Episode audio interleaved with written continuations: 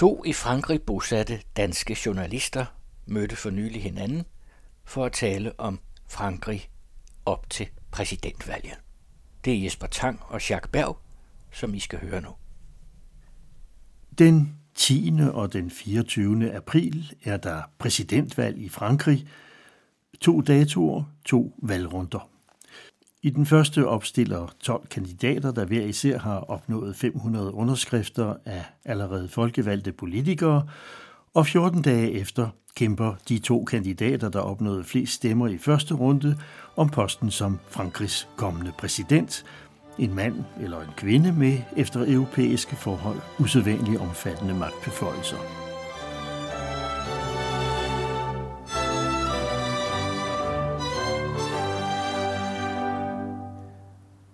Françaises, Français, mes chers compatriotes de métropole, d'outre-mer et de l'étranger. À nouveau, cette dernière soirée de l'année est marquée par l'épidémie et les contraintes renforcées qui pèsent sur notre quotidien. Den siddende præsident Emmanuel Macron meldte sig først i sidste øjeblik som kandidat til at overtage sin egen post, hvad han blev stærkt kritiseret for af de øvrige kandidater. Måske også fordi disse havde bemærket, at præsidenten allerede den 31. december 2021 i sin nytårstale havde overhældet dem alle sammen, kan man sige, ved at spille listearien over sine bedrifter gennem de sidste fem år. jamais renoncé à notre ambition collective. Le travail avec la réforme de l'assurance chômage, le contrat d'engagement jeune qui sera mis en œuvre au début du mois de mars prochain, le pouvoir d'achat avec l'indemnité inflation, le chèque énergie, l'augmentation des salaires des fonctionnaires les plus modestes, l'urgence écologique et climatique avec le renouvellement de notre parc automobile, le développement des énergies renouvelables, les rénovations thermiques des logements et au 1er janvier la fin des emballages plastiques comme de nouvelles mesures inédites pour le bien-être de nos animaux. Et præsidentielt privilegium, monarkens privilegium, siger nogen, at man før alle andre kan udtrykke sin optimisme for året 2022. Alors au moment où je m'exprime devant vous ce soir, je veux vous dire que je suis résolument optimiste pour l'année qui vient. Optimiste pour notre nation, pas simplement pour 2022, mais pour les années qui viennent. Vive notre Europe. Vive la République. Et vive la France.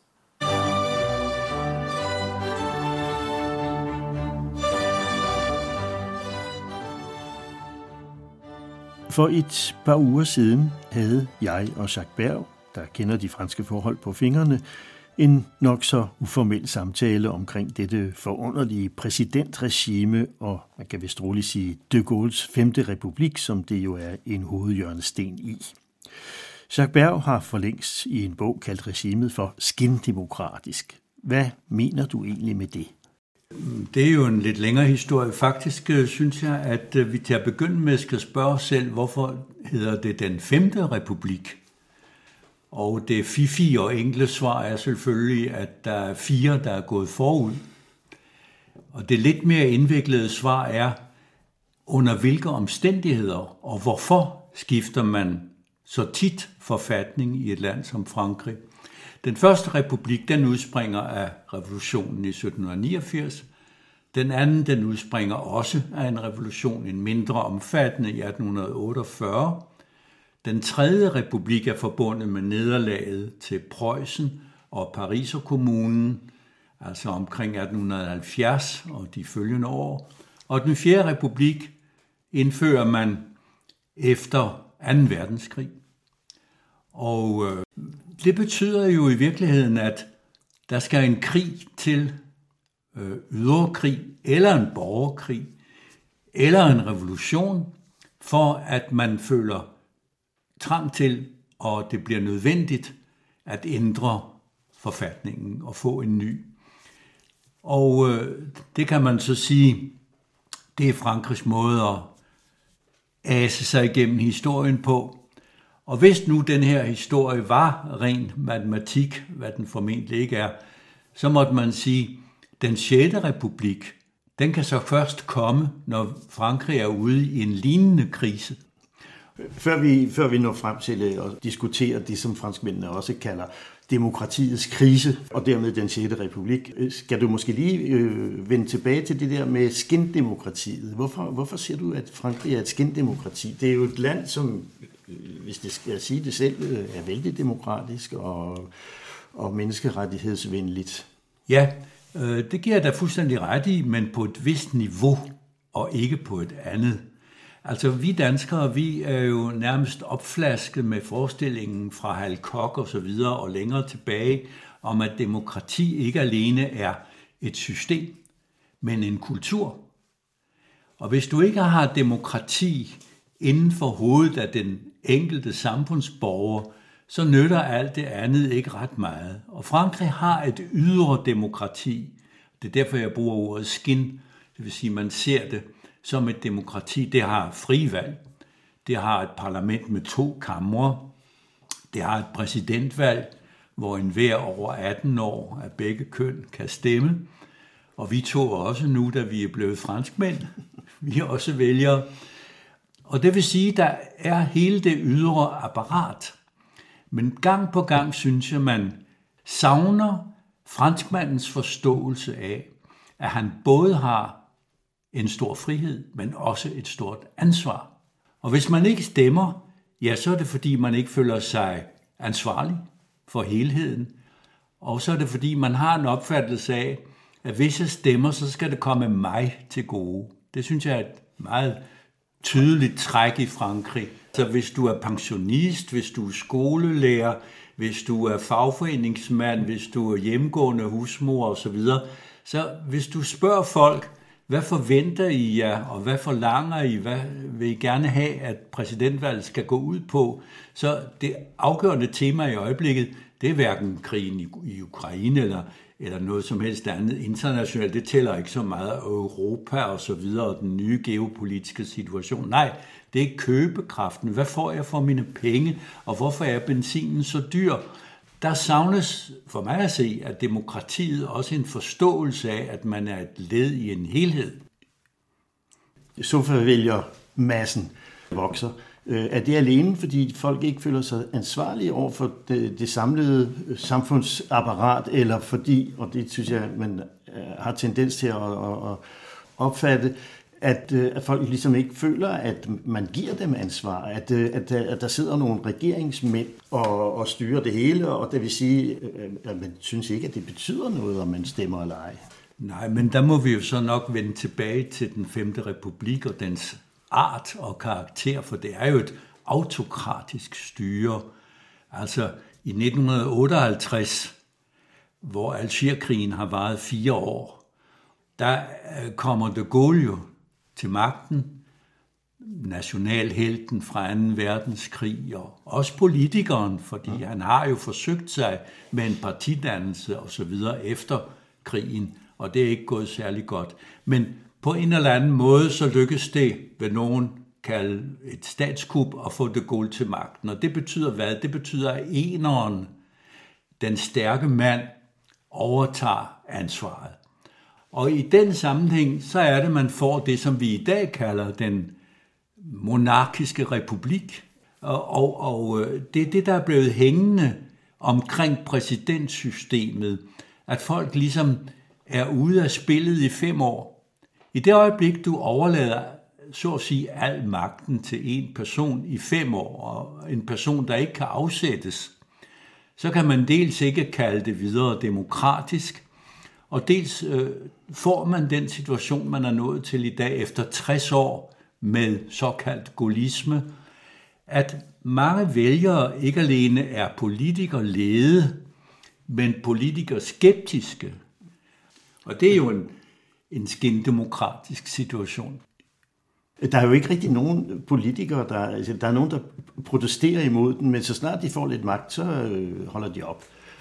Jeg går så vidt, som jeg i virkeligheden ville sige, at hvis man er på den ene eller den anden måde øh, fra venstrefløjen, så burde man slet ikke opstille ved et så autokratisk systems præsidentvalg. Jeg mener, hvis man er socialist, kommunist, øh, grøn, øh, så øh, burde man slet ikke spille med i det spil, der hedder præsidentvalget. Men det gør de jo alle sammen. Men det, det du fortæller der, det vil jo så sige, at, øh, og det er der også mange, der har, har påstået, at Frankrig er umulig at reformere. Ja, det er jo altså det store spørgsmål. Kan man reformere den femte republik uden at gå til bunds og afløse den med en sjette? Eller er man nødt til øh, at fremkalde mere eller mindre frivilligt eller ufrivilligt den krise i samfundet, som gør, at alle indser, at det er nødvendigt at skifte forfatning. Det er jo, så det er det, der er debatten, men altså Macron er jo et meget godt eksempel, fordi man kalder ham Jupiter. Ikke? Selv tror jeg, at han er fuldstændig klar over, at det kun er i det ydre formelt, at et menneske har hele magten. Men han er nødt til at spille spillet. Det er en form for komedie, kan man sige. Og femårsperioden blev indført før Macron. Men altså, alt det med institutionerne og demokratiet i Frankrig er svært og indviklet, og jeg skal være den sidste til at sige, at jeg gennemskuer tingene. Men jeg er ikke videre optimistisk med hensyn til at få inddraget de franske vælgere på demokratisk vis i et system, som øh, på en eller anden måde gør op med den komedie, som det i grunden er at have et præsidentstyre og en fransk undtagelse. Jeg så en vidtighedstegning en dag, som jeg synes siger meget. Det er den om pingvinerne, de forfrosne pingviner, der altid står på en isflage. Jeg ved ikke, om man kender den i Danmark. Og øh, så er der mm, en, der holder en stor tale med alle pingvinerne i ring omkring sig, og så er en, der visker en pingvin til en anden. Det er egentlig forbløffende med al den afmagt, samlet i en enkelt person. Og det er jo simpelthen, fordi det er rigtigt. Det er til synligheden en mægtig person, som de Gaulle var, eller lod mene, at han var, men som i virkeligheden, Mitterrand er inde på det på et tidspunkt, han har betroet sig til en eller anden dagbog, eller jeg kan ikke huske hvad, hvor han siger, at i virkeligheden så kan den franske præsident ikke ret meget. Fordi det administrative system, traditionerne, opsplitningen i Frankrig mellem regioner og kommuner osv., i virkeligheden gør det ret umuligt at styre Frankrig. Præsidentperioden og nationalforsamlingsperioden er den samme. Og i de fleste tilfælde i Frankrig, der vælger befolkningen en, øh, et flertal i, i nationalforsamlingen, som følger præsidenten. Er det også en del af skindemokratiet? I gamle dage var det sådan, at præsidenten sad syv år, og nationalforsamlingen fem år. Og det vil sige, at indimellem kunne der opstå nogle, det man kalder en cohabitation, altså en, en sameksistens. Ja, og den er jo så pludselig blevet ophævet. Men det er et led også i, jeg vil ikke sige måske det udemokratiske, muligvis det skindemokratiske, men i hvert fald manglen på gennemført demokrati, at man har gjort det sådan, at parlamentet, og sådan er det altså i dag, stort set er magtesløst over for præsidenten. Det, det, det skriver under på præsidentens beslutninger. Ja, det gør. Det er, hvad franskmændene kalder en chambre d'enregistrement. Ja. Altså sådan et eller andet en forsamling, der bare skriver under på, hvad der kommer fra Élysée. Fordi der er jo også en premierminister, altså en statsminister. Og øh, Sarkozy kaldte på et tidspunkt sin, sin øh, statsminister eller sin premierminister igennem alle de fem år, han, han sad på magten, for en medarbejder. Ja, ja. Og det er, jo, altså, det er jo heller ikke så voldsomt demokratisk. Ikke videre, men var Sarkozy demokrat? Er han demokrat? Det er et spørgsmål. Det var ikke det spørgsmål, jeg stillede. Det Nej, kan vi godt snakke det vil jeg om. gerne stille. Og øh, der kan man jo sige, at øh, det, der præger præsidentsystemet, for nu at vende tilbage til det med republikken og monarkiet, er jo, at øh, præsidenten er sådan set samtidig sin egen premierminister. Det, det er jo det, der er problemet. Det, og det man ser gang på gang, at øh, i stedet for at være, som Macron sagde i begyndelsen, at være den, der præsiderer, det vil sige afstikker de store retningslinjer, og kursen og så videre, har visionerne. Det er jo det, der er meningen med en præsident, Og at overlade øh, den daglige regeringschance netop til regeringen. Der har vi fået samlet begge aktivitetsområder under en hat. Og øh, det gør altså, at øh, Macron jo også rejser rundt i Europa og i verden ganske vist som præsident, men bliver opfattet fuldstændig som et slags super premierminister. Og hans premierminister i øjeblikket, han udfører jo bare ordrene. Det, det er det indtryk, franskmændene har. Og jo, derfor... Det, det er vel også en realitet? Ja, det er en realitet. Men øh, det, det politiske system, det er jo i Frankrig også ligesom øh, vokset sammen med et, et, et system, hvor man uddanner en del af befolkningen på meget højt niveau, og som, som sidder på alle de vigtige politiske, men også økonomiske poster rundt omkring i samfundet, og som man øh, i dag kalder eliten. Det var det, de gule veste i virkeligheden øh, protesterede imod. Ikke? Jo, det har du ret i, og det hænger jo sammen med franskmændene har jo en elitedyrkelse. Politisk betyder det, at øh, man har for eksempel øh, en statsadministration, der hviler på uddannelsen på det, der hedder ENA, altså administrationsskolen, som blev skabt. En eliteskole. Eliteskolen. Og øh, selvom Macron til synlædende har ville lave om på det, og også har åbnet for, at visse elever kan komme fra socialt mindre velstillede kredse og kulturelt underernærede kredse, som det ikke hedder, så fortsætter elitedyrkelsen. Ikke? Og, men det, det, det er ganske interessant at tale om, fordi samtidig med, at du har den her øh, byråkratiske elite i Frankrig, der i virkeligheden styrer landet, for jeg lige vil sige, så har du også gennem Macron, som er jo en privatøkonomisk liberalist eller nyliberalist, jeg ved ikke, hvad du kalder ham. Der er mange, der kalder ham en bankmand. En bankmand. Der har du en skandale, som kører i øjeblikket, som er ret fantastisk. Der viser sig, at ministerierne og Eliseet selvfølgelig har brugt såkaldte øh, ekspertbyråer øh, til det arbejde, som funktionærerne, de højt uddannede elitefunktionærer, sagtens kunne have udført selv og der er brugt milliarder herunder coronakrisen på at øh, spørge for eksempel firmaet McKinsey, det amerikanske rådgivningsselskab, hvornår uddeler vi øh, mundbind, og hvor mange, og hvornår skal folk vaccineres, og hvordan skal det organiseres osv. Og de har skrevet tonsvis af rapporter og strøget tonsvis af dollar, uden at det nogensinde har øh, været nyttigt for nogen som helst. Og det viser sig til med at de ikke betaler skat i Frankrig. De betaler, de firmaer der, de betaler ikke skat i Frankrig. Så det er den store. Men der har du et sammenstød mellem privatiseringsånden ja. i, i Macrons øh, regi og øh, statsadministrationen, som på en måde er blevet tilsidesat øh, det får mig til at tænke på, at der jo også er en mediesituation, som, øh, som begynder at blive vældig udemokratisk i den forstand, at øh, flere og flere øh, stationer, øh, både fjernsyn og radio, købt op af privat kapital. At mange milliardærer og velhavere har opkøbt de opinionsdannende medier, også inden for den skrevne presse. En af de ting, som gør, at det, der undergraver samfundet i Frankrig i dag, er mistillid Mistillid til politikere, mistillid til medierne, øh, og rygtedannelsen på de såkaldte sociale medier øh, er jo et udtryk for den mistillid.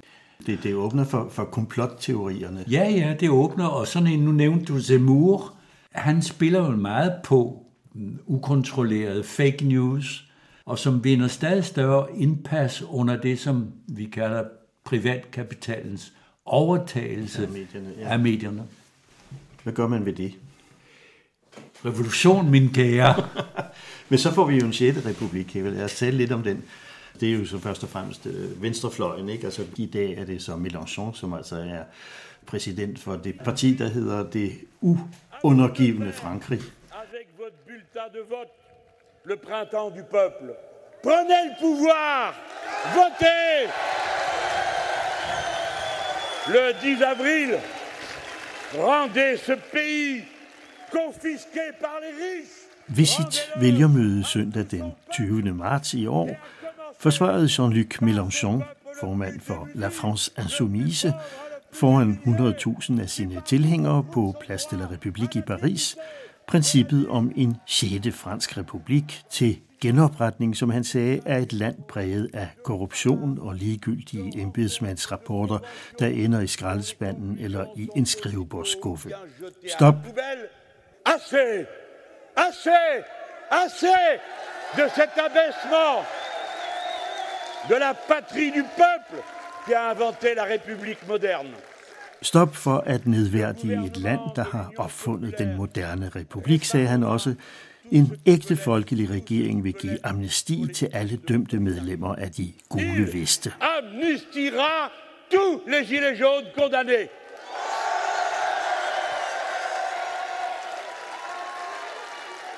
Il garantira vi vil sikre en menneskelig verden, der stræber efter harmoni mellem mennesker og mellem menneskene og naturen.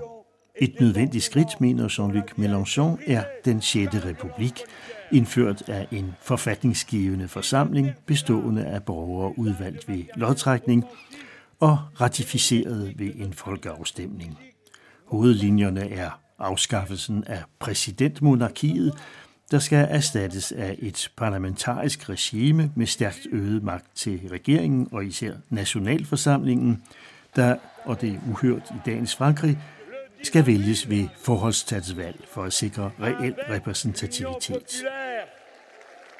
Adressez-vous à tout le peuple humain. Faites parler la France au monde. Tal med jeres stemmeseddel til hele menneskeheden. Lad Frankrigs stemme høre verden over. Vive la France et surtout vive la République.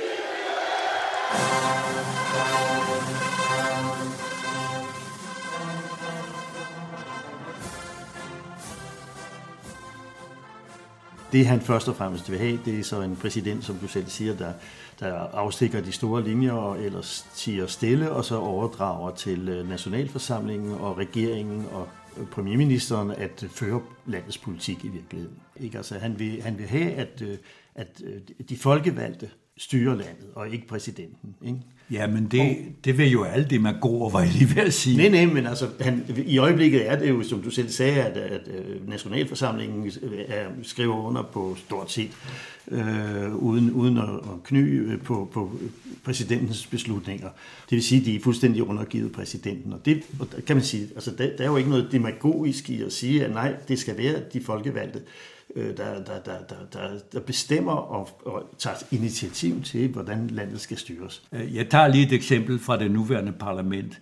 Hvis regeringen fremsætter et lovforslag, så hedder det på fransk projet de loi, lovprojekt.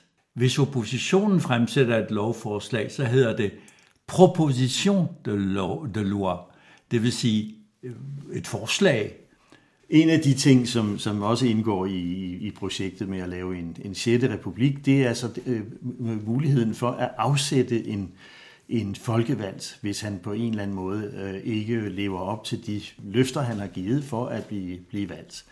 Hvad siger du til den måde at udvide demokratiet? Jamen, jeg siger, at øh, det lyder godt, men jeg er bange for det i praksis. Fordi jeg tror, at det åbner døren for en hel masse demagogiske tiltag, som man siger, at øh, jeg ved ikke, om jeg tager fejl, men jeg mener, at det fungerer i en stat som Kalifornien. Personligt synes jeg, det åbner for en række misbrug, som ikke har ret meget med demokrati at gøre. Men en, en anden ting, som, som øh, øh, ikke nødvendigvis hører til den 6. republik, for det er Macron, der foreslår, at, øh, at en, en, en, øh, en borgerdebat kan gives øh, afgørende magt eller indflydelse. Macron foreslår, at, at, at man kan øh, hvad skal vi sige, udvide demokratiet på den måde, at man giver det bindende kraft. Ja, men også her Når... synes jeg, at erfaringen udviser det modsatte, hvad jeg lige vil sige. For når nu foreslår bygningen af seks nye atomkraftværker, mm-hmm fordi det øh, er pludselig blevet grønt at bygge mm. atomkraftværker. Ja, det ved jeg ikke, om det er grønt, men... Øh... Det siger de jo. Men øh, sporene skræmmer, synes jeg, fordi øh, Macron har haft mange idéer netop om at inddrage og skabe debat direkte med borgerne. Det består jo i, at han selv tager ud rundt omkring, som man også gjorde under de gule vestebevægelsen, og lader folk stille sig spørgsmål, som man så besvarer anden langt, og det er så debatten. Det er rigtigt, at den der øh, økologiske forsamling, som kom med nogle forslag, som du kalder dem, øh, de, blev ikke alle sammen fuldt op. Og øh, det var der heller ikke nogen forpligtelse til fra Macrons side, selvom han blev anklaget for ligesom på en eller anden måde at have spillet et, et, et, et, et fordækt spil der. Men det han nu foreslår, det er, at der faktisk, altså de forslag faktisk skal, skal gennemføres simpelthen. Ikke? Tror vi på det? Det var det spørgsmål, jeg ville stille dig. Det... Erfaringen øh, fremmer ikke tilliden, men, men nu vi taler om Macron, så synes jeg lige, at vi skal have nogle ting sagt om Macron, fordi jeg synes... Vi, vi har sagt mange allerede. Det er også svært at være kandidat til sin egen post, for han kan jo ikke mere være nogen ny mand. Han er den gamle mand, der skal have lov til at blive og få gennemført alt det, han ikke nåede i første omgang, og det er jo en helt anden situation. Jo, men han, han takler den jo ret traditionelt i virkeligheden, fordi han, han, øh, hvor, hvor han var reformator, for ikke at sige revolutionsigangsætter i 2017, så er han jo i dag, taler han om, at han vil beskytte befolkningen. Det vil sige, at han har opkastet sig selv som den store frelser af den, af den franske befolkning i den her vanskelige situation. Øh, kan man tro på, at øhm, han bliver en, en, en frelser, for, for, eller i hvert fald en beskytter for den franske befolkning i de fem år, der kommer? Jamen altså, det er jo det, som hele hans valgkamp går ud på. Jamen, ikke alene at være frelseren, men beskytteren, som du ja. siger. Og øh, det vil franskmænd jo gerne tro på, og det er det, der er så mærkeligt for os, at de kan forledes til at tro på det, men det tror jeg, de kan, og han er jo sindssygt dygtig. Han er en forfører af rang. Han har et enormt talent som orator, som taler, han er virkelig en dygtig forfører, vil jeg sige. Ja. Han har alle de kort på hånden, og han er ung, og han er smart, og der er lidt Kennedy over ham, og der er forskellige ting, som ikke virker, som de gjorde i første omgang. Men alligevel, han, han sidder godt på flæsket, synes jeg. Og det er jo også grunden til, at vi begge to tror, at han bliver genvalgt. Men øh, stadigvæk skindemokrati. Samtalen mellem Jesper Tang og Jacques Berg er redigeret af Jesper Tang i marts 2022.